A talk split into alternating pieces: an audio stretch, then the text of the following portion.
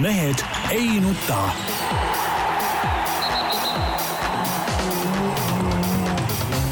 mehed ei nuta. selle eest, et mehed ei nutaks, kannab hoolt Unibet, mängijatelt mängijatele. nii, tere teisipäeva, ma olen täiesti hämmingus, me oleme täiesti uuele tasemele jõudnud. tehnikasajand, Jaan. tehnikasajand, absoluutne, meil oli mingisugune nii-öelda kõll ja nagu ma saan aru, meil on ilmunud sponsor, nüüd me saame rikkaks lõpuks. need on olnud pikemat aega meil siiski. ei, aga nüüd, kuna nad on ka äh, kostvad kõikidele äh, raadiokuulajatele otse-eetris, jah. ja otse-eetris jah, siis põhimõtteliselt me saame rikkaks, nagu ma saan jah aru, nii on. see on hea. no sina oled muidugi rikas, sest äh, kõik see raha, mis sa kokku kühveldasid, endiselt kõik võlad on ju üleval, Jaan. Ei ole mingeid võlgu. veinivõlg on üleval, ei, vein on olemas vein on olemas, leidsin, ta on kõik paberkotis ilusasti olemas, ootame, kuni ta väärika vanuseni jõuab mm, -hmm. nii, aga siis mehed ei nuta eetris nagu ikka, Tarmo Paju tervist. Delfist pelgalt, Peep Pahv, tervist. tere, jah, Delfist ja Eesti Päevalehest ja Jaan Martinson Delfist ja Eesti Päevalehest ja igalt poolt äh, mujalt. nii, kas teil on äh, midagi südamel, no mul on südamel see, et, et kuum on jällegi liiga, et, et võiks nagu ei ole üldse liiga, täitsa okei on, mis No minukene- aga mine küsi- ei ole. mine küsi põllumeestelt ka näiteks. ja vot see on halb. see Jah. on halb, aga see nagu isiklik nagu mingisugune. Häda, noh, see ei ole nagu probleem ikkagi, noh. tegelikult on ikka liiast. no vaata no., võib-olla sa oled niisugune noorem mees, aga ütleme niimoodi, et, et mind ikka kurnab see, kurnab see palavas parasjagu ja, ja raadiokuulajate võib ütelda, et eile kurnas nii palju, et Jaan Martinson kooris ennast keset toimetust eh, See on- paljaks. see on üks rajumaid hetki minu selles toimetuses viibi, viibimise ajaloos, isegi minu üldse, üldse kogu töökarjääris. aga ütleme, see meeldis väga toimetuse naisperele, kes kildumise ja vilistamisega seda kõike nagu tervitasid. jah, aga midagi ei olnud teha, kuna ma läksin õue lauatennist mängima rumala peaga pingpongi ja ja, ja, ja sain küll sealt tappa, aga, aga siis sain samavõrra ka higiseks ja siis järelikult tuli ennast enam-vähem korda seada ja selleks ka väike paljastus, aga Jah. maailm No- sellega kokku ei langenud. jah, no ma pean ka tunnistama, et elus esimest korda otsustasin lihtsalt minna rannas kaheteistkümne kraadisesse vette Pikakari rannas, kusjuures soovitan, täitsa, täitsa tore oli. see jahutas ära kohe. mina läksin eile, üritasin Meremõisa minna ujuma seal, ma arvan, vesi oli külmem kui kaksteist, mulle tundus vähemalt niimoodi. et äh, läksin jalgupidi sisse, ikka päris, päris jäine oli ja kohe siukest jäist õhku tuli nagu mere pealt. Siis äh, sõitsin teist poolt poolsaart äh, Laulasmaa randa, seal oli, oli muidugi täitsa normaalne vesi, et seal sai, sai rullida küll, aga seal on jälle nii madal jälle, see on no nagu sinusuguselt nagu ütleme, karult oleks oodanud ikkagi sinna nagu külmemasse vette asi hüppamist. selles, et mul oli kaasas ka nii-öelda nagu pisipere ja ma tahtsin, et et väike tüdruk saaks ka ikkagi nagu, nagu ennast märjaks teha sinna sellesse jäisesse vette, noh, ei oleks olnud väga otstarbekas. no sina oleks saanud ära käia seal, ei no mina käisingi, selles külmemas. jalgupidi. oota, aga mehed ei saa aru, et mis mõttes sõidate kuhugi vee äärde. vee äärde minnakse maja juurest viiskümmend meetrit ja see, siis see äh, solginire ei ole mingi kuule, vesi kuule, väga, väga hea, väga puhas vesi on, väga hea ja väga puhas vesi. ja sa oled meil käinud, sa tead, seal on sügav, seal on jõgi lai, nii et, et äh, otsige endale õiged elamiskohad, vähemalt suveks. ei no meil on tegelikult Vasamäes on ju ka need ütleme ujumiskohad olemas, aga no ikka tahaks mereavarust nagu nautida, vaadet, vaadet. nii, poliitikast vist ei viitsi rääkida, ei, tont sellega. nii, aga räägime nüüd ei siis, muud ei ole, elagu EKRE. rohkem polegi vaja midagi lihtsalt. kus pani ära? kuule, millal sa sinna parteisse astud ükskord? ei astu kunagi. oled kindel või? ma olen hingeline toetaja. lubad sa seda pühalikult, et Jaa. sa kunagi ei astu? äkki teed praegu Ei. vea? kuule, Riigikogu terendab ju. ei, okei okay., nii on. nii, aga räägime, räägime Soome rallist ja räägime sellest, et näed, et tõesti see kivi, millega äh, Peep Pahv siin Kohtla-Järvel vastu pead sai, on, on kõik kivi, Kiviõlist tahaks öelda. või kivi, no vahet ei ole. Üks üks piirkond kõik, nii, et eh, see lunastas kõik tema patud ja, ja Peep nägi siis elus esimest korda ära Ott Tänaku poodiumi ja veel nii vinge poodiumi, et, et mees oli kõrgemal astmel ja just see, et ma täna veel või eile või kus, kus kohas siit kõlas, kui see Eesti hümn ikka võimsalt lauldi eh, meie meeste hüvanguks ka ja kuulasin siis eh, kuskil Martin Järveoja ütles ka, et ütles niisugust feelingut ei ole kellelgi mitte kunagi MM-sarjas olnud, et, et kolmsada kaasmaalast laulavad kõva häälega hümni kaasa. ma ühe as- asjas pean muidugi Jaansit nüüd parandama. poodiumit ennast ma muidugi ei näinud, nagu sa tead, meie töö eeldab nägid telekast? Äh, ei seal seda, ütleme, no seda finišijärgset väikest poodiumit nägin Jaa, ei, no seda ma mõtlengi, aga ütleme, seda päris poodiumi ajal eh, sai kibedalt tööd tehtud, pressikeskus kuulsin ainult läbi seinte, kuidas see üritus seal käis, et noh, see, et seal midagi nagu näha otseselt nagu ei ole. aga sina kui pealtnägija siis äh, räägi, selgita rahvale, et milles see Ott Tänaku nii ülekaalukas edu seisnes, et sisuliselt esimesest katsest, reede esimesest pikast katsest peale, kus ta minu, minu meelest ta ikkagi lasi natukene hullu, kui ta põhikonkurentide ees äh, kümme pluss sekundit vahet võttis ja sealt pealt hakkas ju kõik kerima. no nagu ta ise ütles tegelikult, et see nendel teedel on oluline see, et on enesekindlus ja siis saab seal kiiresti sõita ja, ja, ja ta nagu Ott äh, rõhutas seda korduvalt ralli jooksul, eks ole, ja, ja selle enesekindluse pealt äh, ta sõitiski nii kiiresti, et äh, teistel ei olnud midagi vastu panna, et äh, ja seal Martin Järveojaga sai ka iga hoolduspaus praktiliselt juttu räägitud ja, ja, ja mitu kordagi sai, sai küsitud, noh, et mille poolest te kiiremad olete ja, ja siis ta ütles ka mitu korda, et noh, Ott lihtsalt äh, sõidab nii hästi, ongi kõik. Ja pidurdab hiljem ja kiiremini kurvi ja kõik, pidurdab hiljem, selle võrra läheb kiiremini kurvi auto on sellises seades, mida siin, millega siin mõned mehed ei julgegi sõita, nagu Jari-Mati Latvala ütles ja, ja, ja ja nii on noh, et, et äh, nendel teedel, nendes oludes äh, ei ole Tänakule kellelgi midagi vastu panna. eile oli ju pikk artikkel oli äh, ajalehes või, või portaalis Autosport, kui Sebastian Ogier, siis viie, viiekordne maailmameister, kurtis seda, et, et, et tal on kade vaadata, kui hea on äh, Ott Tänaku auto. ütles, et milline tasakaal, eks, milline no pidamine kurvides ja kõik ja ütles ta, et, et Toyota on kõike seda, mida M-spordi Ford ei ole ja, ja ta ütleski, et see oligi põhjus, miks me ei suutnud sõita ja sellest aerodünaamilisest paketist ei olnud mitte mingit kasu, mis see uus talle Ah, seda Jaan ma sulle püüdsin selgeks teha juba eile Ralli stuudio ajal, millest sa muidugi aru ei saanud. jah, aga nüüd sain. nii, aga, aga tegelikult kakskümmend neli tundi. Ku- kuivõrd nüüd see auto andis äh, sellele in- enesekindlusele, ilmselt andis tohutult kaasa, et no kindlasti andis tohutult kaasa, et, et noh, pole kahtlustki, et äh, Soome meeskonna Toyota teadis täpselt, kuidas autot äh, Soome ralliks äh, äh, paika timmida, et ta on hästi tasakaalus, balansis, kõik, kõik on, kõik on paigas, noh. eelmine aasta Soome ralli võitsid, eks ole, noh, seal on soomlased tiimis sees, Latvala, Lappi, noh, kes ka tegelikult ju ralli teises pooles olid väga-väga kiired. et, et äh, eks see auto oli ka üks, üks võti, aga noh, auto autoks, no ikka mees peab ise ka nagu sõitma, et, et ilma selleta nagu ei tule midagi, no Ott sõitis hästi lihtsalt, noh, siin ei ole midagi, siin ei olegi nagu eriti midagi nagu analüüsida, lihtsalt üks mees oli peaaegu üle, teistest ongi kõik. ja, ja jah, kus, no tei- ja teistpidi, Jaan, ei maksa vist sinu kombel ka minna nagu nii eufooriasse, et hakatagi nüüd arvestama, et niimoodi need rallid hakkavadki mööduma, et see oli siiski nagu niisugune või veidi, veidi erandlik olukord. ei, ta ei ole erandlik olukord No- Tarmokene. sa ei näe ühelgi teisel rallil sellist jõudude vahekorda Ei.? see on täiesti kindel. ei, mitte, mitte küsimus ei ole selles, et ta kogu aeg domineeriks, aga nagu ma eile ka Ralli stuudios ütlesin, et Ott Tänak kõikidel rallidel, kus tal ei ole tehnilisi probleeme ja ei ole ka muid probleeme, nagu oli Rootsi rallil see, et, et ta pidi lumesahka sisuliselt mängima, eks. et ta on kogu aeg poodiumivõistluses ja tal ongi, tal on, ta on sõitnud kolm probleemivaba rallit, on, kohad on teine, teine, esimene.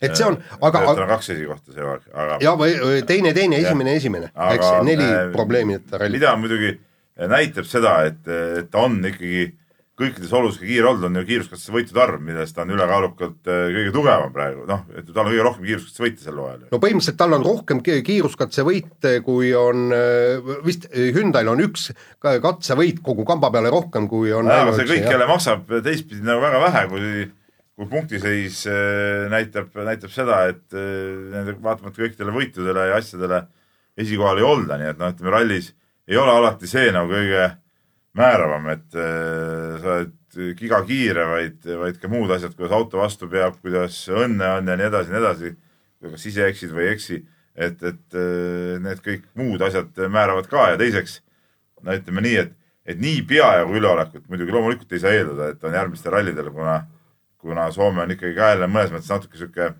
sihuke nagu spetsiifiline ralli.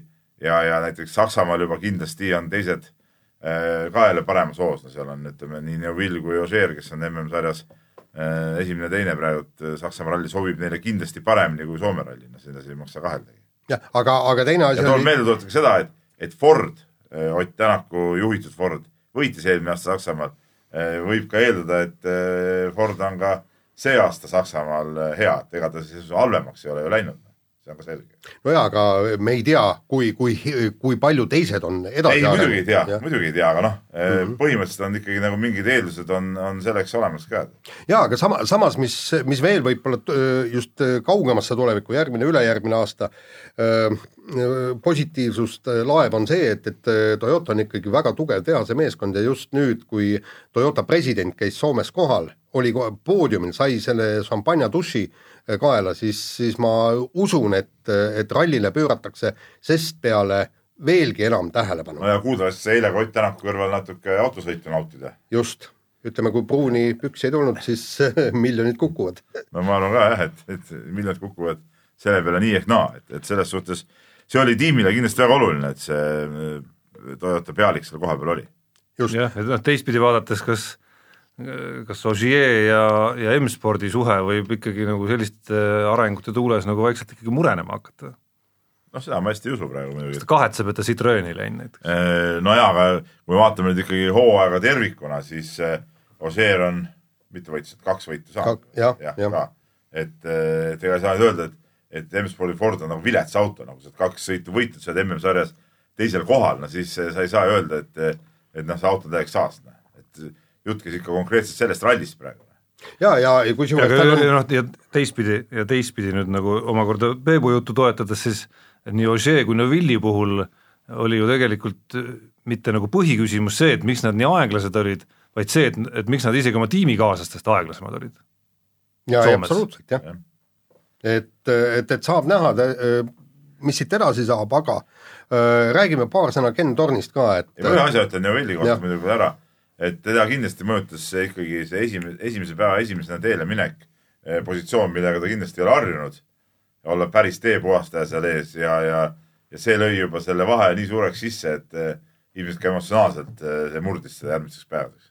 no jaa, aga, aga niikaua, kui ta on liider, ei, seda küll, ma ütlen, et noh, see oli kindlasti üks, üks momente ja seal oli neid eh, libedaid kohti muidugi päris palju.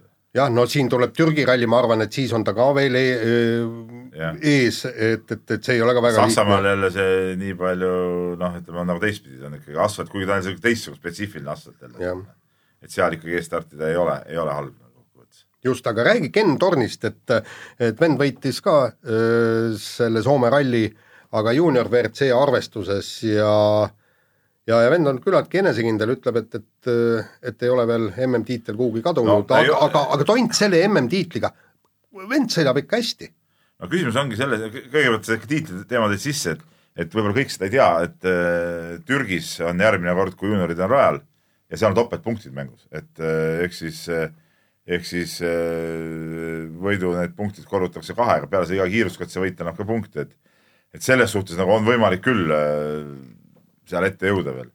aga, aga mis nagu puutub seda, et noh, selge see, et Soome ralli võit on alati nagu noh, selline asi, mis, mis maksab rohkem kui, kui võib-olla isegi terve hooaja mingi sihuke stabiilselt susistades seal esimese-teise koha saavutamine, et see on näiteks noh, kuidas öeldakse nagu munadega meeste ralli, eks ole, et sa pead seal, seal sõitmiseks peadki olema ikkagi väga hea seal võitmiseks. samas see muidugi noh, jah, selles sarjas on, on nagu garanteeritud võitjale siis, eks ole, järgmiseks hooajaks ka mingid asjad, et, et äh, noh, kui nüüd see aasta ei suuda Ken Torn seda saada, noh, ütleme see kokkuvõttes on ikkagi keeruline võita, siis äh, peaks igal juhul ta järgmine aasta ka sama sarja sõitma, et, et järgmine aasta oleks tal võimalused juba seal palju suuremad, et eks ta seda kooliraha on siin hooaja alguses maksnud päris palju. jah, aga, aga no eks, eks tulebki maksta, ma, ma ei tea, kas öö, tõesti, ega ma ei oska nii ajale, ajaloost mõelda, vaadata, et, et kui palju neid mehi on, kes esimesel hoo- hooajal kohe tulevad ja tšempioni tiitli no hea näide oli ju Roland Poom, kes äh, kavatseb järgmine aasta kindlasti juunior WRC sarjas kaasa sõita ja läks siis nii-öelda nagu seda tasemega tutvuma. esimesel kiiruskatsel äh, lõppes sõit ära tema jaoks, järgmised päevad tuli rajale ja tegelikult ta sõitis ju äh, noh, samasuguse masinaga täpselt nagu juuniorid. Ta ei- nende arvestusse ei läinud, aga neid aegu sai võrrelda ja sõitis ju tegelikult väga häid aegu seal, et et äh, see ongi see, et kui nüüd esimene aasta, noh, see ei ole nii lihtne, et sa lähed kohe ja hakkad paugutama, et seal võib juhtuda igast asju, aga ütleme, see teine aasta siis äh, noh, on nagu meestel võimalused olemas noh. nii, aga loeme selle teema lõppenuks. Assa pagan, see oli küll vinge trummipõri, Tarmo, sa vaikselt siin. absoluutselt suuga tegin. Tarmo, ütleme pisikeste näpukeste alt see muusikas nagu välja tuli, just, DJ, DJ, jah. nii, aga võiksid minna sinna, mis see on? Weekend festivalile. jah, ma usun, et ma saaks hakkama. me tuleks Jaaniga äkki tantsutüdrukuteks või tantsupoisteks õigemini. jah, absoluutselt, kuule, šarmantsed, ma võtan no- võta ja üle, ülakeha võtan paljaks paljad, ja ka. Jaani me nägime eile juba, et see rokiks kindlasti. absoluutselt. nii, aga kiire vahemängu juurde jätkame ralliga, Tommy Mäkinen andis teada, miks pärast Ott Tänak nii kiire on. me siiamaani kõik mõtlesime, et vend on nüüd lõpuks kogenud ja ta-ta-ta kõik muud. auto on hea äkki. auto on äkki hea, ei, absoluutselt. Tommy Mäkinen andis teada, et ta on kiire sellepärast, et ta sõidab enam-vähem sama stiiliga, nagu mina omal ajal sõitsin.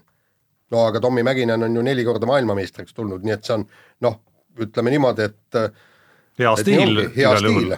hea stiil jah, kuigi vist ma saan aru, et eh, Tänak ise ei teadnud sellest eh, stiili sarnasusest nagu suurt midagi. jah, kas see oli selles faasis öeldud lause Tommy Mäkinenilt, kus ta ütleme, Et oli, oli juba pisut, oli muidu šampanjast mekitud juba. oli juba mõnda omajagu mekitud või? no eks see oli ka põhjust, küll. ütleme ühes, ühes kohas šampanjat pritsida siis, siis tulevad tavaliselt sellised laused Jaa. hakkavad tulema, vaata. aga kusjuures. Peebul, Peebul tulevad muidugi ilma selleta, aga ütleme, Tommy Mäkinenil hakkavad siis tulema, muidu ta hoiab ikka vaos aga siis mul tulevad ka eriti palju, ütleme, siis mul on väga palju häid mõtteid, kui oleme ka mekkinud. jah, nii on.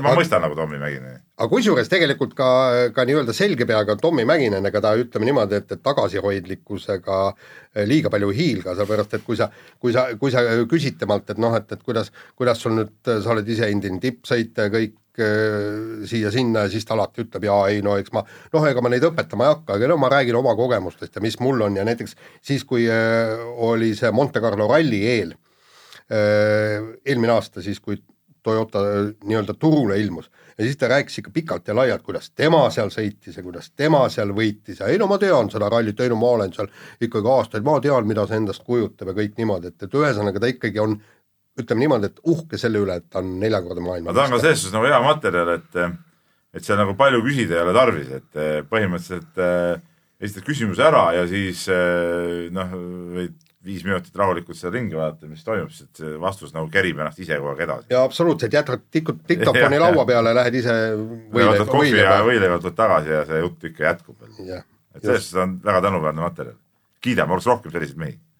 Äh, vahetame teemat, Eesti kergejõustiku meistrivõistlused toimusid nädalavahetusel ja kui eelmisel aastal tekkis omajagu noh, arutelu selle ümber, et kaheteistkümneaastane Luna Aleksandra Lagoda viie tuhande meetri jooksus siis naiste vahel äh, väga silmapaistvalt esines.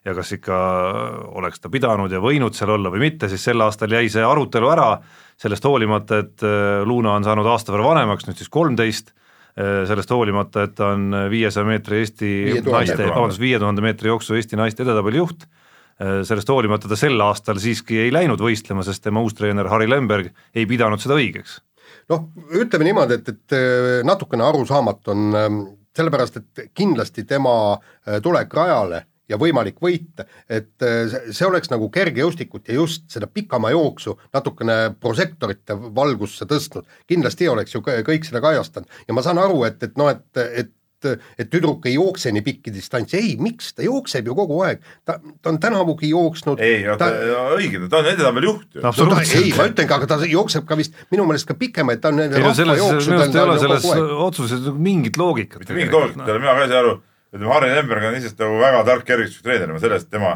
eh, treeneri tarkuses absoluutselt ei kahtle, on mees tõestanud nagu ennast igatepidi, aga see loogika on minu jaoks ka nagu, nagu arusaamatu, sest et oleks nii, et et ta üldse, et jaa, et ta ei poolda, et tüdruk jookseb eh, sellist distantsi võistlusolukorras. no või ja, ja endast ja endast hästi palju tugevamatega see oleks näiteks. nagu arusaadav, aga kui ta on ju jooksnud, kui ta on edetabeli juht, siis ta on ju jooksnud seda distantsi, on, ei ole nagu mingit küsimust, ega mitte endast tugevamatega, vaid, vaid endast nõrgemate vastu järelikult. ja praegu lihtsalt äh, rahulikult oleks võinud ju selle kuldmedali ära, ära noppida sealt ja, ja midagi ei oleks juhtunud sellest. Ja ei, absoluutselt. Ja, ja, ja te- teinud endale reklaami ja kõike, sellepärast et ma, ma ei usu, et, et nende äh, Luna olukord niivõrd hea on, et, et ta saab mööda laagrit sõita, kõik nii, et kui sa tuled Eesti meistriks, kõik sa, sul on võimalus rohkem sponsoreid saada aga, ja kõik aga mulle üks väike mõte, võitis ju öö, üks õdedest luikadest selle distantsi, eks ole. nii, ka Harri Lembergi õpilased, et võib-olla treener otsustas, kellele seda võitu vaja on ja, ja, ja ütleme äh, kolmikute nii-öelda Tokyo mingi unistuse jaoks oli tarvis nagu pildil olla rohkem ja, ja nii, nii see otsus sündiski. et ma siin niisugust väikest, väikest teooriakest nagu enda peas nagu tõukasin küll no põhimõtteliselt see oleks piinlik olnud. seda veidram tegelikult, seda, kui see nii oleks. ei no jaa, aga saad aru. aga ma mingit muud seal loogilist seletust ei leia sellele ausalt ei no ma mäletan, et aasta tagasi, kui see poleemika tekkis, kui Harri Lemberg ei olnud veel Luna treener, siis ta ütles, ei tohiks üldse joosta. siis ta tegelikult arvas samamoodi ikkagi, et selles Jaa, mõttes aga-, selles mõttes müts maha, et ta jääb oma seisukohale ei nagu Tarmo, aga kindlaks. siis ei olnud juttu, et Eesti meistri juttu sellest, et niisugune vanuses tüdruk ei tohiks nii pikki distantse joosta. aga ta on aga neid jooksnud tema all ka, selles ongi arusaamatu. nii, aga suhteliselt arusaamatu on mm, lugu ka Valga Valka korvpalliklubiga, kus siis lätlasest peatreener Kristaps Seits lahkus eh, suhteliselt segastel põhjustel. üks, üks jutt oli see, et, et klubi oli talle natuke võlgu, noh, seda, seda siin Eesti oludes ikka vahest juhtub, siis oli mingi teooria veel sealjuures, et ei ole nagu sarnast nägemust klubi arendamisel klubi juhtidega ja, ja ja noh, sihuke, sihuke paras, paras umbluu, et kuigi kokkulepe minu teada oli nagu alguses nagu sõlmitud, et ta jätkab. et iseenesest kahju, mulle Seits äh, või tema stiil nagu iseenesest nagu meeldis, sihuke kiire, nii nagu see tänapäeva korvpall on, millega Läti korvpall on ka palju edu saavutanud. no selline nagu emotsionaalne ja kirglik tüüp. jah, aga jah, ütleme pigem ma usun ka seda, et eh, vaadates seda Valga klubi tegutsemist, siis, siis just see, kuidas seda klubi arendada, seal, seal võisid küll nagu nii-öelda suusad risti minna, sest et ega klubi, Valgas klubi arendada väga hästi ei ole ikkagi suudetud, noh olgem ausad, noh, seal on kümmekond aastat on, on see meeskond tegutsenud, noh ütleme, esindusmeeskond on kogu aeg olnud olemas, noh mängib ka enam-vähem, ega midagi halba pole sellest öelda, aga klubi kui sellist, ehk siis kui me vaatame kõik seda nii-öelda püramiidi seal, no seal ei ole seda suudetud käima panna, seal mingid äh, noortesatsid on, aga need on, need on, ütleme häbematult äh, nõrgal tasemel on kogu see struktuur seal üles ehitatud, et et, et pigem ikkagi see koer oli sinna maetud ilmselt. nüüd on huvitav küsimus, kes läheb Valga peatreeneriks? noh, see on ka natuke põhjus, ma arvan, miks see lõpuks läks üsna voolavaks, see kaader ka seal mängijate osas ka eelmisel hooajal. kusjuures sellest pressiteatest eelmisel hooajal väga voolav ei no olnud mingil hetkel ikkagi sealt Läti, lätlaste poole pealt ju mitu lii-, paar liidrit ikkagi läksid minema. minu arust üks- liider ära, no ma praegu võin eksida. Aga sealt uudistest ma lugesin, et see klubi juht ütles, et noh, see on otsitud põhjus, et ta-ta-ta ja kõik muu niisugune. et ilmselt sai parem pakkus ükskord, mis on ka täitsa võimalik. jah, aga, aga, aga sii-, sii-, siit, siinkohal miks ei või inimesele, kes on oluline, miks jääda talle võlgu, anda talle võimalus lahkuda? jaa, aga ega seal selles suhtes ma olen jälle ka seda meelt, et noh, Valga tingimustes võib-olla see, see klubi pidamine ei ole ka ütleme meelakkumine, et, et eh, ma ei taha siin õigustada nüüd seda, et treeneril oli mingid palgad maksmata, seda kindlasti mitte, aga aga noh, siin on ütleme, Jaanil on siin ka muidugi lihtne öelda, et miks jääda, et see päris ei no jaa, sa On nii ära kui sa tahad käib. inimest endale hoida, ära anna võimalust talle, et ta jaa, ei saaks lahkuda. nii, aga võtame järgmise teema ja no internet on saatanast, nagu me oleme eh, mitmeid kordi tõdenud ja nüüd eh, sotsiaalmeedias eh, levib pilt, kus meie kuulus odaviskaja Magnus Kirt astus tegelikult Eesti meistrivõistlustel võidukatse üle ja tähendab, mitte ei astunud, vaid habemega oli joone peal. kündis, ütleme. jah, just, et oli, oli habemega joone peal ja, ja ka nagu selgub, et võistluste kohtunikud ütlevad, et jah, pagan, et pildi järgi ei oleks pidanud see katse lugema, et see oli kaheksakümne kaheksa meetrine. mida? see pilt oli ikka suht hägune. ta oli küll, ta on hägune, aga, aga, aga see on tüüpiline, vaata, mäletad, kui see oli mingisugune kolme punkti vise oli korvpallis, kui ka fotograafid näitasid, et ma ei mäleta, kas jalg oli joonel või joone taga või kuidas seal on, et tuli välja, et oli joone taga, tegelikult kohtunikud äh, ütlesid, et oli joone peal, nii, nii oli see Jah. lugu. aga, aga muide seda, muide siit nüüd äh, küsimus, kas me peame varri ehk siis selle Jaan, tooma ka sellepärast ma ütlesin kergejõustikusse? sama asja selle teema juures, et et no jätame nüüd ikkagi nagu terve mõistus ikkagi alles ja pigem keerame sotsiaalmeedia kinni, kui võtame varri kasutusele. ai, pigem aga Magnus Kirt äh, võib-olla lihtsalt äh, midagi ei ole teha, tuleb see habe maha ajada ikkagi MM või EM-iks. no jaa, aga, aga võib-olla noh ja võib-olla seal peitub jõud just. jah, just täpselt nagu Simsonil pe- peitus juustes jõud ja teine asi on vaata, on ju play-off habe hokimeestel ja, ja korvpalluritel, võib-olla tal on ka nii, nii-öelda medali habe, et ennem maha ei aja, aga vot siis on ohtlik, sest see habe on pikk. siis on juba pikk jah. Aga mis sa Tarmo arvad siis mõttest sotsiaalmeedia üldse kinni keerata? mina oleks nõus, kahe käega poolt. on sul jäänud mulje, et ma olen mingisugune sotsiaalmeedia fanaatik?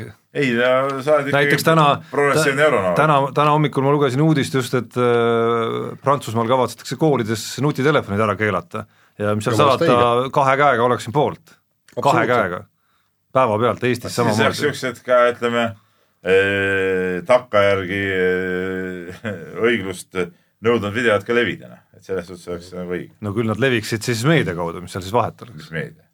No, me poleks saanudki seda videot. arvad, et kui, kui see, keegi sellise foto tegi ja oleks siis saatnud äh, meediale, siis oleks jäänud avaldamata. ei, kuidas ta saab saata, meil ei ole ju mingit see nii-öelda sotsiaalmeediat, internetti nagu ei ole, mis tas email on sul olemas. ei no jaa, aga see tuleb ka ära kaotada. no ei no kes siis trükib välja selle paberi ja toob sulle no aga ta toimetusse ei too keegi ei viitsi ei viitsi keegi no tegeleda. okei okay,, ärge nüüd hullu, hulluks ka minge, minge. Aga see- kiire vahemängu lõpetuseks äh, meie hea sõber Neimar on tunnistanud siis lõpuks äh, ühes, see oli vist Gilletti reklaamis, et jah, et eks ta ikka seal näideldes mingitel hetkedel äh, mängib nagu meelega ka üle. no hea mees ise ka aru saab, ega, ega noh, aga sina, ma mõtlesin selle peale just neid teemasid eile vaadates, et äh, sina ju tegelikult peaksid nagu heaks kiitma seda ju. mida no selliseid, selliseid võtteid noh, eh, sellist ütleme rullimist ja näitlemist ja ründevigade väljameelitamist korvpallis, et see kõik on üks komplekt kohtunikega nagu mängimine ikkagi. Et mingi aga- viga kätte saada, sa mängid nagu mingisuguse vea nagu üle. aga mulle Neimar ei meeldi, aa, selles on asi. muidugi. no ei, see okei okay,, selge. ei, aga vaata, sa, sa mängi siis, kuigi ma leian, et, et äh, see mängimine ei ole tõesti absoluutselt äh, lubatud, noh, isiklikult, aga, aga kui sa tõesti noh, tahad nagu natukenegi mängida, siis ära mängi üle, vot see on see põhiline asi. no Ja- ja- seda tehakse ja mitte ainult jalgpallis siiski noh, ega mis see korvpallis teistmoodi on, see ütleme, võib-olla nagu ründevea hõngu polegi, aga sa teed ikkagi nagu, nagu oleks Jaa, aga seal selle eest olemas. tuleb viga anda või see mängijale. Sten Musoku kuulus selline nagu vibutus, eks Jah. ole, näiteks, eks ole, No mis see, kaitselt vea välja see vibutus ei ole kindlasti nii dramaatiline kui äh, üle väljaku edasi-tagasi rullimine. No ta ei ole nii efektne võib-olla, aga, aga muus osas on sisu on sama. ei ole päris sama, ei ma siin ei nõustu sinuga. eesmärk on täpselt sama. no eesmärk on sama, aga see, ta ei näe nii totter välja. noh. no kuule, tegelikult peale, näeb kusjuures näeb näeb küllaltki totter. nii, aga kõll, see lisab nagu värvi kohe. ja ikka niisugune tõsine trummisoolo. jah, lühike nagu. kuule, absoluutselt, kuule, kes paneks, selle kõlli tegi? ma võin veel korra lasta. lase. Kuule. see on nagu mingi Andet helilooja, mingi sopert. kuule, et rohkem nagu idee sai nagu otsa, et, et võttis selle noodipaberi ette, tegi ühe rea ära, siis nagu rohkem ei tulnud nagu midagi. vaata, aga nüüd, kui me saame seda siin otse mängida, põhimõtteliselt ma peaks laskma siia nagu seda rida pikendada. põhimõtteliselt kui tahan, lasen Led Zeppelini lihtsalt kuule, Ei, ei, no, ei, oota, ei. absoluutselt, kuule, ma, ma tahtsingi sulle ju öelda, Zeppelini Moby Dick, see, see on, kus on Bonhami trummisoolo, kuule, see kestab kuule kuule, see on vii- viisteist minutit trummisoolot jumalast vinget. teate, mis on puudu või? Meelas naishääl, kes siis eh, ütleks, et stuudios on hurmavad eh, Peep Pahv, Jaan Martinson, Tarmo Paju ja, ja nii edasi, et noh, see on nagu puudu, no kes, kes tegi seda, sina, Tarmo, said teha siukest ei, mina ei teinud, aga peab pretensioonid no, edastama. ütleme pretensioonid, see, kes selle soperisega valmis sai, järgmiseks saateks ootame nagu, nagu siis midagi nagu ütleme sensuaalsemat, ja seksuaalsemad. seksuaalsemat, jah. nii, aga räägi kirjalikult. pärast eilset äh, Jaani nii-öelda priommi toimetuses on seda seksi õhus nagu liigagi palju tuleks natukene nüüd jahtuda lasta. no aga nädal on aega ka. nii, aga lähme kirjade rubriigi juurde ja, ja siin ki- kirju on huvitavaid ja kirju on palju. ma kohe kõige see magusamat kirja kohe ette ei loe, aga, aga siin on, on, on niimoodi, nii küsitakse meie käest niimoodi. et tere, et kas teie arvates Eesti meedia ei tähtsusta Tänaku võitu üle? et äh, Delfi spordis oli siis äh, neli esimest uudist esmaspäeval, et hääletama, et Tänak konkureerib nädala tšempioni tiitlile. MM-sarja punktiseis, Tänak tuli nagu Vilju Seerile jõudsalt lähemale, seal Jaani kommentaar, mingi katsevõitluse statistika ja nii edasi.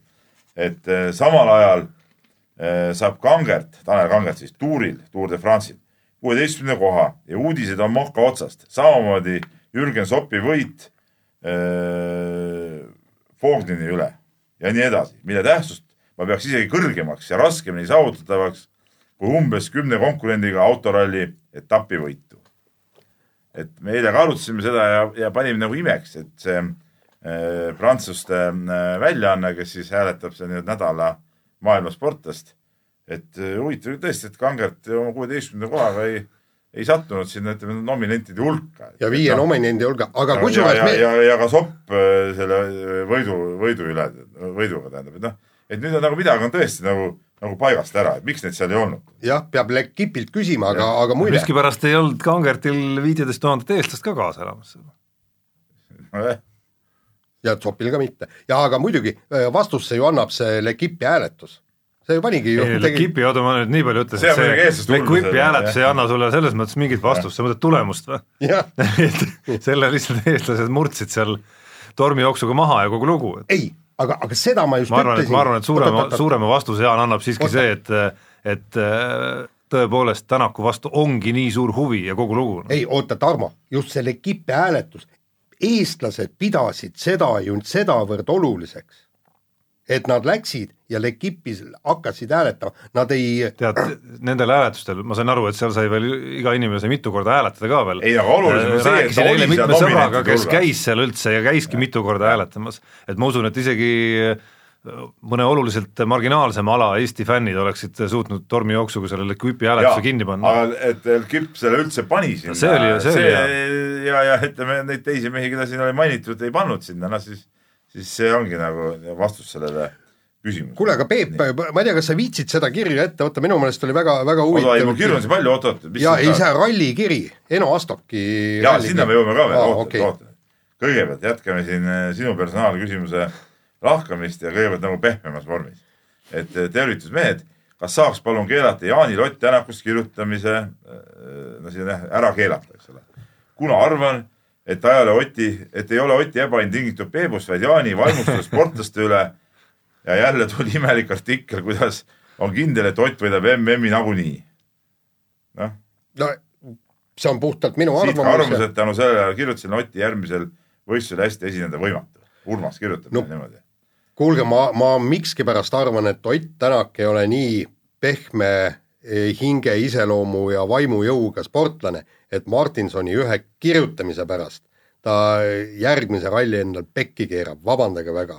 no me võime muidugi kuulajatele ütelda, et vot noh, meie oleme iga päev nende lugude sees ja, ja meil on muidugi omad tähelepanekud välja kujunenud, mida tavainimene ei panegi tähele. et üldjuhul, kui Jaan kellestki vaimustub ja mingisuguse artikli kirjutab, siis mingit head nahka sealt ei ole mitte kunagi veel ja no meie vana hea kolleeg, ma tean, ma loodan, et ta kuulab, enamasti kuulab ka, Gunnar Press oli teine muidugi samasugune. aga nad ongi vennad ju tegelikult. Nad ongi, ega Jaan on ju Gunnari noorem vend tegelikult jah. sihuke hädisem ja, ja, ja, ja õnnetum, aga noh, muidu, muidu samasugune.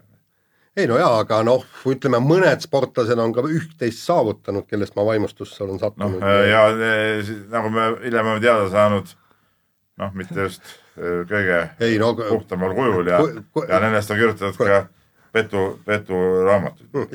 ei, aga tegelikult kuna ma olen niivõrd paljudest sportlastest äh, kirjutanud ja vaimustunud. ja vaimustunud, noh.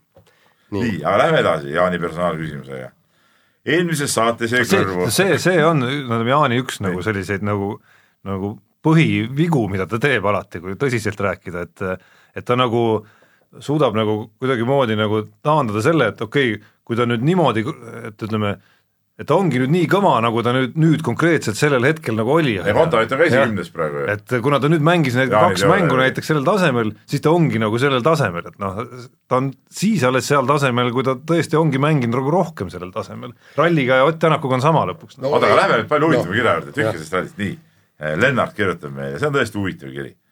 eelmises saates jäi kõrvu Jaani väide, et tema vaatab F1-te BBC striimi kaudu. Saad lugeda arvamuse kirja?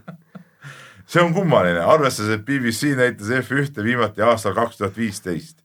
pakun, et siin on kaks võimalikku varianti, esiteks, kas Jaan ei tea, mida ta vaatab ja nimetab igati ingliskeelset ülekannet BBC-ks või teine variant, ta vaatabki mitme aasta vanuseid BBC ülekandeid ja seejuures arvab, et tegu on otsepildiga. pigem, pigem on vist see, et, et ma kõike seda loengi BBC-ks, sellepärast et ma olen aastaid seal vaadanud ja ega ma tegelikult praegu ei oskagi öelda, kas oli ITV või kes, kes see seal üle kannab, ega ma sinna nurka nüüd seda logo kindlasti vahtima ei hakka. mina arvan küll, et sa vaatad neid vanu ülekandeid. võib-olla ka, aga kuule, vanad ülekanded on, ongi äge, ägedamad. vaata pärast see suveperioodidega televiisor ka meil toimetusnurgas näitab mingist vanu, vanu võistlusi Mm. tihtipeale, et no eks sa sealt sa oled saanud see pisiku nagu sulle meeldibki neid vanu, vanu no asju aga üle mi- kuule, aga sa vaatad ka vanu vene filme, ma ei tea, mitmendat ko ikka korda, eks absoluutselt, Neli tankisti koera briljant ja kätt olen vaadanud Briljant- vanu- no sa teed neil 20 vahet lihtsalt, see vahe on, et Jah. Jaanil, Jaanil nii nagu ingliskeelset näeb, on BBC, noh. nojah, ja Jaan on see ka, et nii vana mees, siis ta ei mäleta, et ta on seda juba näinud, et, et näidatakse uuesti seda, siis ta mõtleb jälle, et see on taas nagu esmakordne. jah, ja siis esmaettekanne ja nagu. järgmisel päeval loeb Toomas Vabamäe kommentaari, imestab, et et kuidagi nagu, mis võistlust tema vaatas. ja aga seniilsetel on hea, on ainult vaja ühte ajalehte kogu eluks ja iga päev hakkad lugema. näed uudis. nii, aga eh, nüüd siis see Eno Astoki kiri, millest, millest Jaan eh, juttu juba korraks tegi ja, ja siin on muidugi alustame jälle sellest, et lugesin täna kodanik Martinsoni artiklit Tänakust ja soovitaksin Delfit edaspidi peale mõne Eesti sportlase suurt saavutust kõikidele sellele järgnevate Martinsoni artiklite puhul kasutada ühte sama pealkirja. Meepotti kukkunud kärbese hinnangud elule. nii, et see on siis Jaani hinnang, hinnang Jaan sinu tegemistele, aga siin nagu asi läheb nagu tõsisemaks ka ja, variant ja kaks on ka muidugi äh, teha talle nagu nendel teemadel no ütleme niisugune neljapäevane või viie, ütleme nädalane Jah. mingi väike nagu embargo, et kommentaari kirjuta, ainult uudislood. No, nojah, tal kohe sõrmed sügelesid, noh ta kohe pühapäeval helistas mulle sinna, et kuule, kaks veergu oli vaba sa ei viitsinud täita seda. noh, ei no seda ma nüüd küll öelda, ma täita ei viitsi, mina seda mõtlesin täis rahulikult.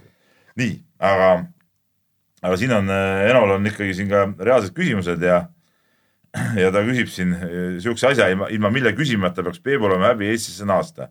no ma ikkagi nagu naassin ja, ja seda küsimust me tegelikult ei küsinud seal, me tegime küll, Eesti meedia tegi, mängin selle intervjuud ära, aga see, see küsimus niimoodi otseselt ei tulnud. kas Toyota meeskond on peale Soome rallit valmis vajadusel Tänakut MM-tiitli võitluses aitama? noh, et see on nagu M-spordi näitel ka, kus aidati Ožeeri kõvasti.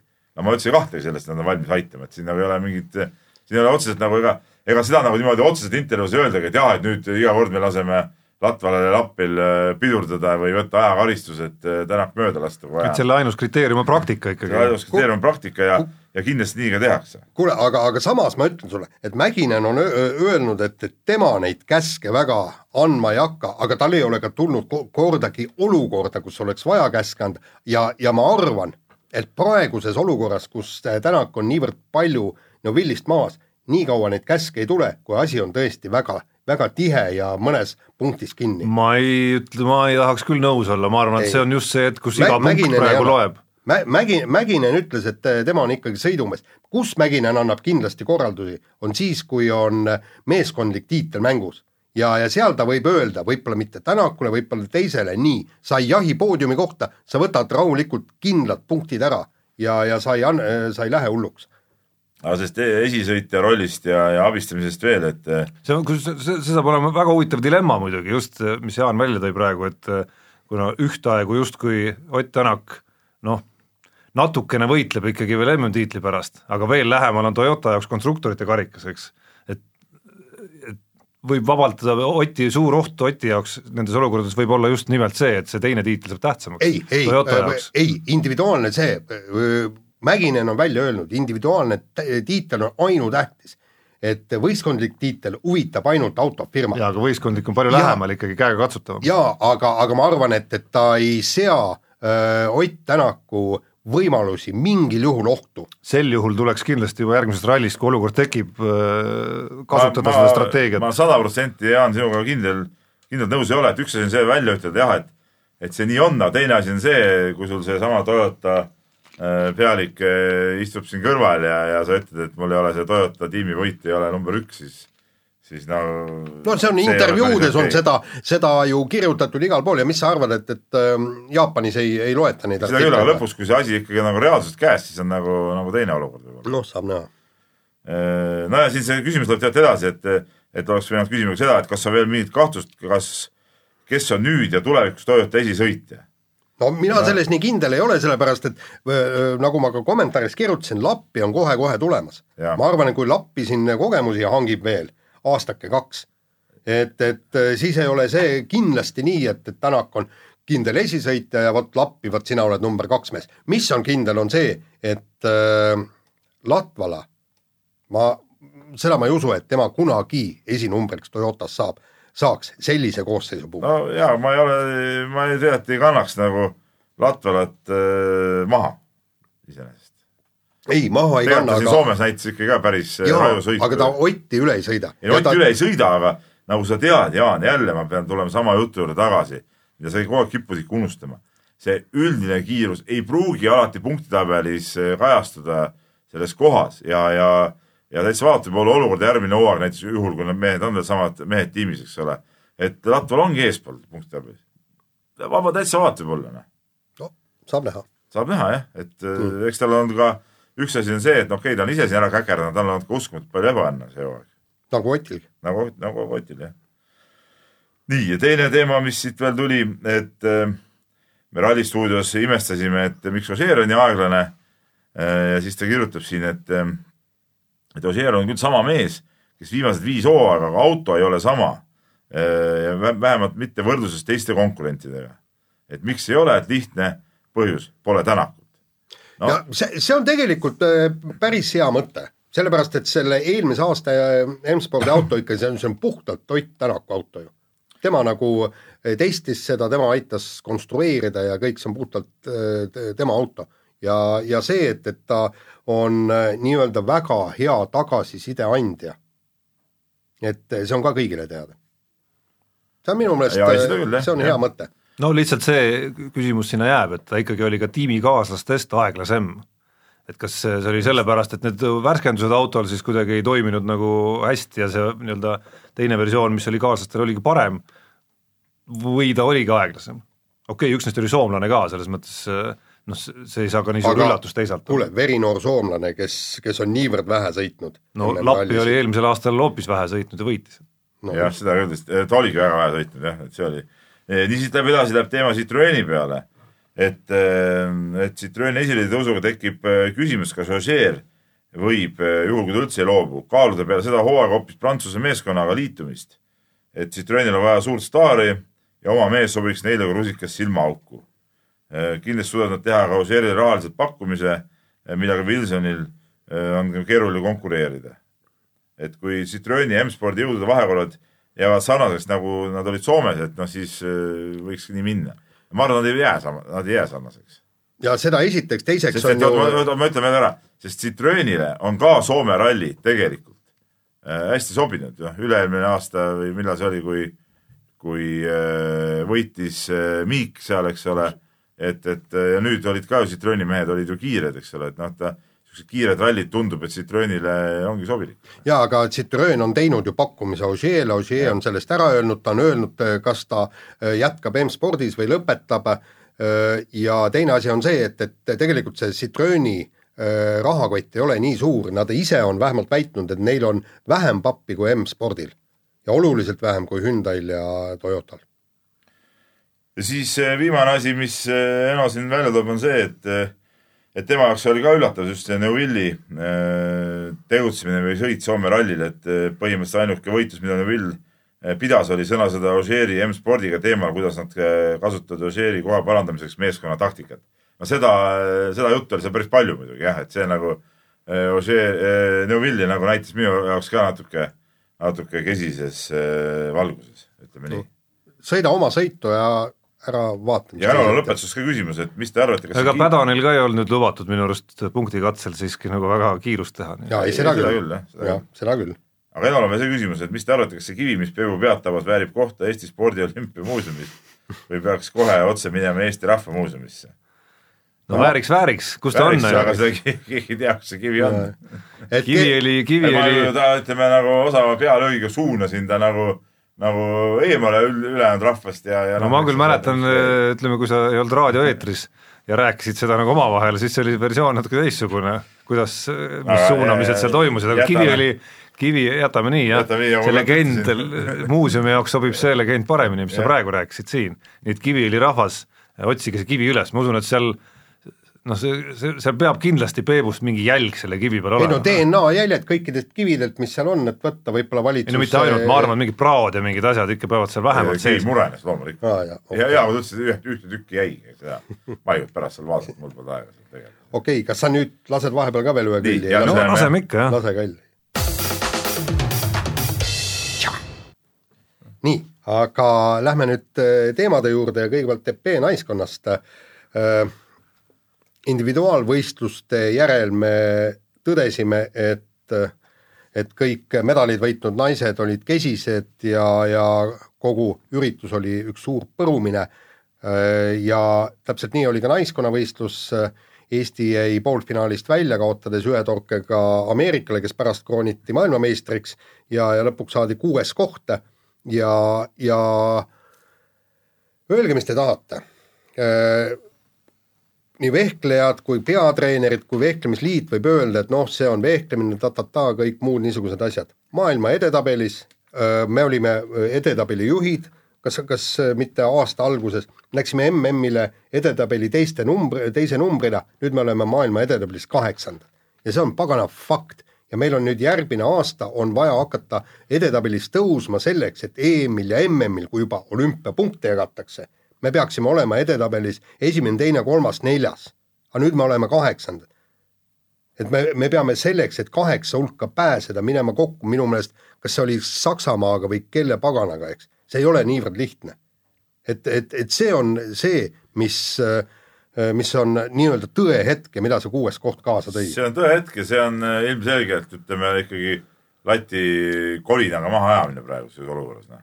et siin ennast pandi halba seisu ja, ja kõike, kõike seda ja, ja, ja tegelikult ma tahaks ikkagi reaalset, reaalset analüüsi kuulda, et miks nii läks. noh.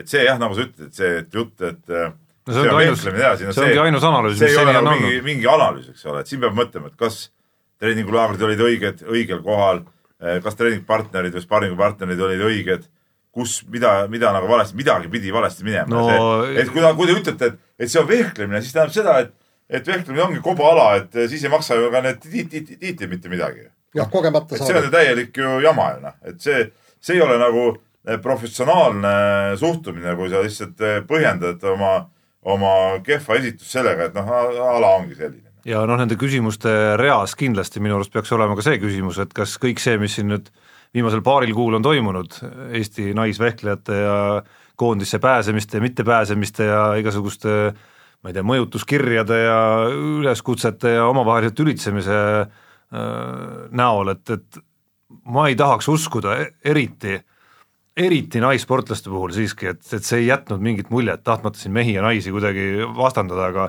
aga ma ei, mina ei usu, et see ei jätnud, ei jätnud mingit mõju. vaata, ma olen, ma olen just seda konkreetselt, seda põlvkonda ju vaadanud äh, sisuliselt algusest peale, kui nad võitsid äh, esimesed MK-etapid, ma olen noh, internetist, kui on äh, vähegi ülekanded nendelt võistlustel, ma olen need kõik, kõik ära vaadanud kõikide nende aastate jooksul. ja, ja kogu aeg on ju mindud ainult ühe taktika teed, anda Emrichile viimaseks matšiks võimalikult äh, väike vahe vastastega, kas miinus kaks, pluss kaks, noh, kuskilt, kuskilt niimoodi, nüüd, nüüd ta läks peale pluss kahega äh, ja, ja ameeriklane ta vastu ja, ja põhimõtteliselt kaotas. ja, ja, ja see, seda nad ütlevadki, et Emrichil ei õnnestunud, eks ju. et see, see ongi põhjus. aga, aga ma sellest tõesti aru ei saa, aastate kaupa. mida on Emrich saanud, ta sai kaks tuhat seitse viimase individuaalmedali ta ole rohkem medaleid saanud ja ta on eh, MK-etappidel ka palju vähem poodiumil olnud kui meie teised EP naised. Eh, noh, Julia Beljajev ja kõik, ta ei ole medaleid võitnud, meil on Erika Kirpu, eh, MM-i pronks, kes nüüd küll siin MM-il ei olnud, meil on maailmameister ja kolm pronksi võitnud Julia Beljajeva, meil on Euroopa meister Katrina Lehis, kes tegelikult naiskonnas vehkles hästi. miks te lasete ja annate kogu selle naiskonna võidu-kaotuse otsustamise Emmerich kätte? Te olete maailmameistrid, medalivõitjad, no sest ta on välja vedanud selle koha peal. ei saa ju, vaata ei saa olla nii, et, et see on niisugune võistkond ja Aga- sa kümme aastat paned ühe sama taktikaga, no see on ju, see on ebareaalne no.. ja sest kui, kui, kui nüüd nagu teistpidi vaadata, siis kogu see, kogu see tüli nii-öelda, sai ju ka alguse sellest, et äh, nui neljaks oli Embrich vaja koondisse saada. aga Emrik peabki seal olema, aga talle ei, kogu taktikat ei saa selle peale võtta. see oli täpselt nagu Jaapani vastu, andke talle pluss kaheksa kaotus äh, võiduseisus ja ongi asi tehtud ja tegelikult Emrik vehkles ka äh, seal võistluse sees matšides väga hästi. ta on naiskonna vehkleja, aga me ei saa aastate kaupa kogu aeg mängida ainult selle peale, eelmine aasta, kui maailmameistriks tuldi, oli täpselt seesama, nad olid see oli veerandfinaal Saksamaaga. Saksamaaga, just, veerandfinaal ja jälle viimase torke peale, seekord äh, torkas ära. no see on ka see on loto ikkagi lõpuks, eks? jah, see on loto, just. ja, ja, ja ma saan aru, ma saan aru, kui Irina Emrich oleks noh, ma, ma ei tea, nagu see mm, Rumeenia Popescu, kes on võitnud kakskümmend medalit, siis ma saan aru, okei okay anname temale, sest meie oleme kehvemad. ei ole, vaadake individuaalselt. ei muidugi, no see Teie olete tugevamad individuaalselt. ikkagi ma ütlen, natuke on, ma arvan, kinni ka sellest eh, treeneri enda valikutes, eks ole, noh, et, et et selle taktika peale minnakse, noh. ja ütleme niimoodi, et, et seal mi-, miinusringis anti Katrina Lehisele selle eh, ankunaise roll ja, ja põhimõtteliselt eh, noh, ma ei saa öelda, et ta vedas välja või ei vedanud välja, sellepärast et ükskord ta oli pluss kaheksaga ees, teinekord miinus kaheksaga ees, kus, kus enam noh, ja või pluss kaheksaga taga, eks. et, et seda ei näinud, aga ma arvan, et seda eksperimenti tuleb äh, jätkata igal juhul. ei, igal juhul loomulikult, et kuigi no. siin nagu sa ise tead, olümpiapunkti kogumiseks läheb varsti asi käima, et siin väga Just. pikat eksperimenteerimise võimalust ei, pole. ei, absoluutselt ei ole, aga, aga ikkagi ja kogu see vehklemise mentaliteet peaks eh, natuke, na, muutuma, na, natuke muutuma. et see peaks et... lähtuma rohkem ikkagi sellest eh, hetkeolukorrast ja neid otsuseid tuleb võtta mitte stampides vastu yeah., nagu praegu on võetud, eks ole, stamp, stamp, stamp, eks ole yeah., vaid ikkagi sellest, kes parajasti on tugevam ja, ja vaatama rohkem võib-olla analüüsima, kes kellega rohkem kokku sobib ja kuidas need asjad seal kelle vastu ja mis hetkel lasta. ja mentaliteet peab olema mitte see, et, et me anname Emrichile nullis pluss kahes, vaid ja. võtta eesmärgiks, Emrich peab viimaseks matšiks minema pluss kaheksasega vot nüüd me ja töötame. ei peagi minema viimasesse matši võib-olla. jah, võib-olla võib jah, umbes. seal ütleme, seal võib ka teistmoodi neid asju teha. jaa, just.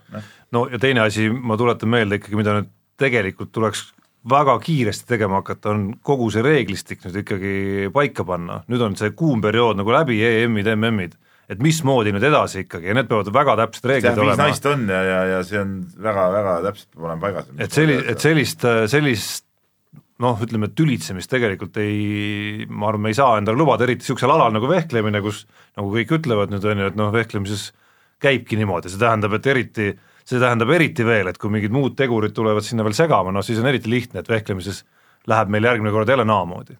kuulge, aga meil on, me oleme täiesti ajahädas praegu, kui vaadata niimoodi, et, et andke aga kuuma äh,. Alar Varrak asus siis Korvpalliliidu spordidirektori ametikohale ja siin on nüüd kaks äh, küsimust, mida korra arutada, üks on Varraku personaalküsimus, ehk siis äh, aktiivsest treenerikarjäärist on ta otsustanud nüüd vähemalt tema enda sõnade järgi siis loen ma välja paariks-kolmeks aastaks vähemalt taanduda. ja siis tagasi tulla. ja siis tagasi tulla ja, ja küsimus te-, number kaks on siis nagu nii-öelda see korvpalliliidu pool, et et mida see ametikoht tähendab, varem seda pole olnud ja, ja mis head see võiks siis anda? iseenesest eh, ma leian, ametikoht on äh, vajalik.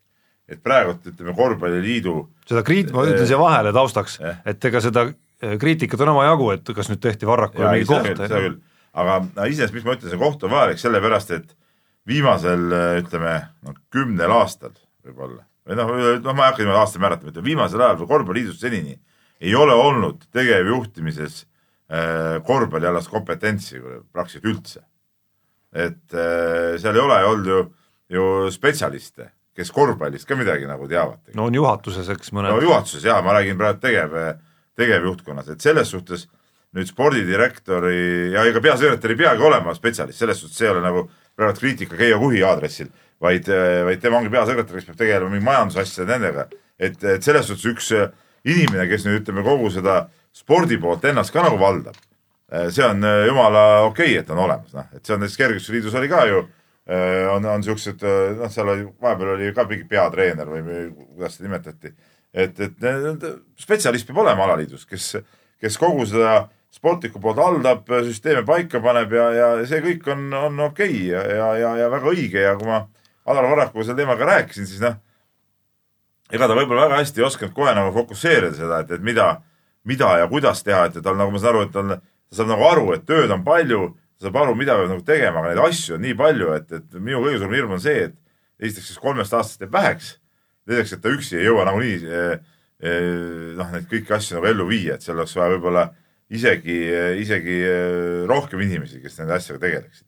aga ütle, kas punkt üks, kas ta vastutab ka millegi eest ja punkt kaks, kas tema tööd saab kuidagi hinnata kahe või kolme aasta pärast? ei no kindlasti saab hinnata, noh saab hinnata seda, et, et need oma mõtted, mis ta on välja toonud näiteks Eesti korvpalli arendamiseks ja paikapanemiseks, et kas need mõtted on äh, andnud nagu mingit positiivset tulemust, noh. võib-olla siin ühe-kahe aastaga on seda raske seda tulemust nagu näha, aga noh, ütleme mingeid tendentse sa ikkagi näed. jah, noh, see jääb natukene ebamääraseks kindlasti see, mida sa praegu nagu mõõtmise all sõnastasid, et et ma arvan, et see peaks oluliselt konkreetsem siiski olema ja, ja noh, tänases sinu loos Alar Varrakuga noh, jäi ta ka veel minu arust nagu üsna ümmarguseks, et mida ta siis täpsemalt ära tahab teha, on see mingid ühtsed põhimõtted, ma ei tea, Eesti noorte treenimisel, mida ta tahab, et kõik, no, kõik noortesatsid rakendaksid või? ja, ja kui siis, mis, ja, ja kui siis missugused need põhimõtted on ja, ja mismoodi ta mida tahab korrigeerida, et et äh, ma loodan, et üsna, ma loodan, et üsna kiiresti me kuuleme neist. aga noh, küsimus number kaks on ikkagi tema nagu personaalküsimus, et ta ikkagi üsna aktiivselt äh, püüdis nagu treeneri karjääri redelil, mis noh, nii-öelda liikuda ja käis Leedus ja oli siin õhus veel minek Kasahstani ja, ja kõik sellised jutud, et natukene võib-olla oli üllatav see, et ta selle käigu ikkagi nagu tegi. et kas tahtis puhkust saada sellest või, või, või, või mängis rolli see, et, et justkui silmapiiril ikkagi hooaeg lähenes ja silmapiiril nagu midagi väga konkreetset ei paistnud enam. ei no tegelikult selles suhtes see see, et äh, see konkurss tuleb ja et äh, Alar Varraksa kandideerib, et see oli ju klaar juba ju juuni alguses. et selles suhtes äh, seal nagu ütleme, mingi seda nüüd see mingi viimase hetke pakkumine oleks talle, seda, seda kindlasti ei ole. et see, selle koha loomise ütleme, otsus võeti vastu seal Lepalinnas, eks ole, see oli juuni alguses oli see, see nii-öelda koosolek ja seal võeti see asi vastu ja, ja Varrak esitas ka sinna oma avalduse suhteliselt kiiresti, et see, et see nüüd nagu võib-olla avalikkus, ma ise ei tea, mina teadsin kogu aeg seda, et see konkurss on, et, et võib-olla, võib-olla lai avalikkus ei teadnud seda, võib-olla, võib-olla tuli see kellelegi üllatusena, aga see ei olnud tegelikult niimoodi, et nüüd, nüüd täna tegime konkursi, homme Jaan võitis ja paneme Jaani pukki sinna, et see päris, päris nii ei, ei olnud üldse. seda, et see tema nagu, kui tal on kirg ikkagi olemas pikemas perspektiivis nagu treenerina jätkata, et see kuidagimoodi nagu mingi löögi annaks nendele ambitsioonidele, mina väga ei usu, et ta on ikkagi üsna tihedalt noh, sellise nagu korvpallitreeneri tööga nagu seotud ikkagi. ta, natu, ta, ta on väga sarnane, ta on natuke sarnane minu arust sellele, mida Hendrik Tetman tegelikult teeb Soomes. mulle kõlab vähemalt selle kirjelduse järgi, sest, sest Tetmani roll Soome koondise peatreenerina on, on tegelikult oluliselt laiem ja, ja, ja konkreetselt peatreenerina võib-olla isegi vähem, tema abilised teevad seal võib-olla keskmisest rohkem isegi kui mõne, mõne tavalise meeskonna juures. täpselt nii on. nii, nii, aga kiiresti, kiiresti võtame veel Tanel Kangerti siis ette, kes siis üritas Tour de France'il kahel korral etapivõitu, kuid tulutult tasuks kuueteistkümnes koht. Aga noh, kas nüüd on siis äh, hammas verel enama suhtes? no kõige ägedam minu arust oligi see, et tal tundus, et on hammas verel natuke nende intervjuude järgi, kus ta hakkas ikkagi nagu kui ta muidu on nagu väga leplik olnud ja leppinud selle rolliga, mis tal meeskonnas on, siis ta hakkas ikkagi minu arust rohkem kui kunagi varem rääkima sellest, et ta ikkagi tahaks äh, natukene nagu isiklikku au ka natuke saada. just, aga teine asi ongi see, et, et ta on niivõrd kogenematu, nagu täna äh, Eesti Päevalehe intervjuus ütles, et ma pean Rein Taaramäelt äh, uurima, et millal on õige aeg rünnata, et see rünnak ette jääks, et kui Taaramäe ründas, siis need rünnakud jäid ette. see tähendab seda, et ta tahab äh, tõesti hakata nüüd neid etapivõite üritama, eriti praegusel hetkel Astanas, kus selget liidrit ei ole ja tõesti, aga see kõik vajab kogemusi.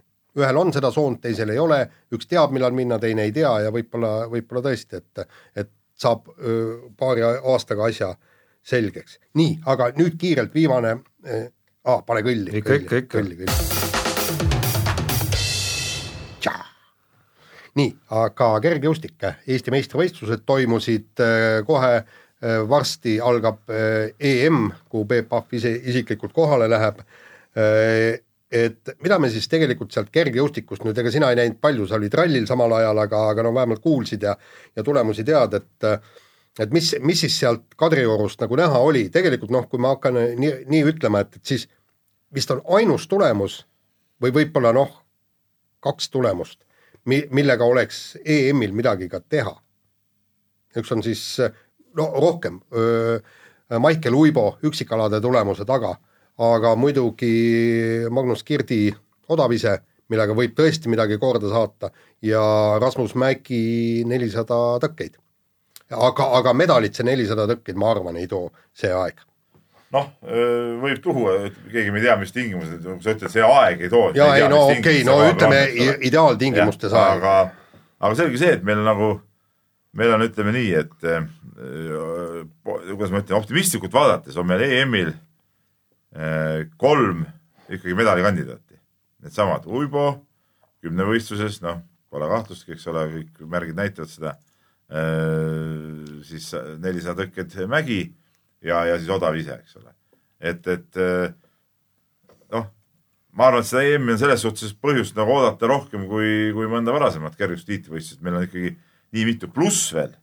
noh, ma ei arva, et nüüd Gerd Kanter on nagu suur eh, medalinõudleja, eks ole, aga kui ta heidab oma kuuskümmend viis meetrit, siis ta on vähemalt lõppvõistluse materjal ja, ja ütleme, sümboolses tähenduses see võistlus nagu tema karjääri viimase tiitlivõistluse muudab ka selle EM-i eestlaste jaoks äh, ikkagi eriliseks ja ma loodan, et seda, ma loodan, et seda suudetakse ka ütleme, tavaliste inimeste poolt nagu kõrgelt hinnata. et selles suhtes on siin EM-il nagu, nagu minu, minu jaoks on nagu vähemalt jah, neli, neli olulist asja jah, aga no muidugi kõige suuremad äh, võimalused siiski, ma eile noorreporter Märt Roosnaga arutasin asja, et, et äh, Uibol On vist kõige suurem tõenäoliselt. jaa, aga mitte kullale, aga ütleme medalile, aga samas ega noh seda, seda enam, et ütleme, see on nendest aladest äh, jättes mingisugused nagu altminekud nagu noh, mingid null mõnel alal või mingid sellised asjad või vigastused välja, on, võiks ta nagu olla kõige stabiilsem, et võrreldes odaviskegagi näiteks. samas mulle natuke tegi ärevust see tema kõrgushüppe tulemus Eesti meistrivõistlustel, et ta nagu, ta oli vist kaks null viis, kui ma õieti mäletan. noh, tema tase peaks olema üle kahekümne, ta sealt üle ei saanud, eks ole, et, et, et kas kas ja mis kala seal sees on ja see on tema jaoks oluline punktiala ikkagi kõrgushüppel minu arust nende Eestikatega kõige sümpaatsem äh, osa EM-ile mõeldes oli ikkagi nagu Rasmus Mägi jooks, et, et, et mingi areng nagu toimub, et üksi pingutades suutis ikkagi just, just, ja ega see neljasaja meetri nagu puhta neljasaja meetri aeg ei olnud ka üldse mitte halb, et et see on nagu hea märk, et Rasmus Mägi ronib nagu pildile tagasi. no fakt on see, et ta on Euroopa neljas aeg ikkagi. ja aga Magnus Kirdi puhul jällegi, mis, mis mulle head meelt tegi, mees näitab, et igal võistlusel tal on käe sees ikka korralik tulemus.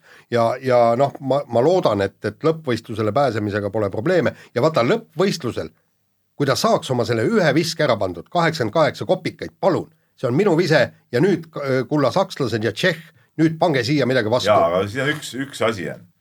Kirt ei ole kunagi sellises äh, seisuses äh, tiitlivõistlusel läinud, et äh, ta on küll hästi niisugune, kuidas ma ütlen, rahuliku meelega väliselt ja, ja, ja kuidas ma ütlen, filosoofiliselt mõtleb kõik läbi ja ja ei, ei pauguta oma mõtetes ja, ja, ja avalikult neid asju. aga ma arvan, et tegelikult tal on päris keeruline minna, sest et lõpuks see hakkab sind ikkagi seest närima see, et noh, pagan võtaks, ma olen ju see aasta nii palju visanud, noh, et ta räägib küll kogu aeg, kuidas ta ei mõtle sellele medalitele, asjadele, aga paratamatult no, inimloomus selline, sa hakkad selle peale mõtlema ja sellises olukorras ta pole kunagi olnud, et see on nagu siin võib see kooliraha nii-öelda maksmise moment tulla. noh, pluss mis iganes olukorrad seal võivad nagu arenema hakata, et sama hästi võib tulla ma ei tea, üks sakslastest esimeses raundis üheksakümmend ära panna ära, jah, ja, ja mis, mis, mis mõtted siis hakkavad ja. seal teistel nagu tekkima, on ju, seal on mõned sakslased, kes noh, kes on selles olukorras olnud juba, et üks mu kaasmaalane pani üheksakümmend, ma ei näe probleemi, sest ma tean, et ma olen sellises olukorras suutnud ise üheksakümmend üks panna siis vastu, on ju. samas oleme ju küll ja küll näinud ka selliseid äh, võistlusi, kus ütleme, hooajal kõvasti paugutanud mehed ikka tiitlivõistlusel, noh, ei tule seda tulemust, et noh, noh, me loodame muidugi, et et tal tuleb, aga, aga noh, ma siin toon need ohumomendid ka ikkagi välja. nii, aga aeg on kulunud, saade on sellega lõppenud, Peep, sina oled, noh, Berliin paned. järgmine teisipäev olen Berliin, jah. Val-, vallutame Berliini. jah. just, ja siis järgmisel küll ohtlik on Peepu saata sinna, aga okei okay,, las see teema jäätas siin no. Et järgmisel teisipäeval endise Nõukogude sõdurina. aga ma olen ikkagi käinud seal ka kergejõustiku MM-il kaks tuhat üheksa, see oli Gerd Kanteri üks äh, ebaõnnestunumaid MM-e, kus ta väga võimsa hooaja pealt saanud äh, pronksmedali. just, aga järgmine teisipäev kuulake, mis Peep teeb Berliinis ja selleks nägemist.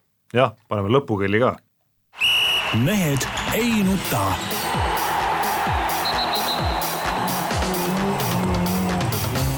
mehed ei nuta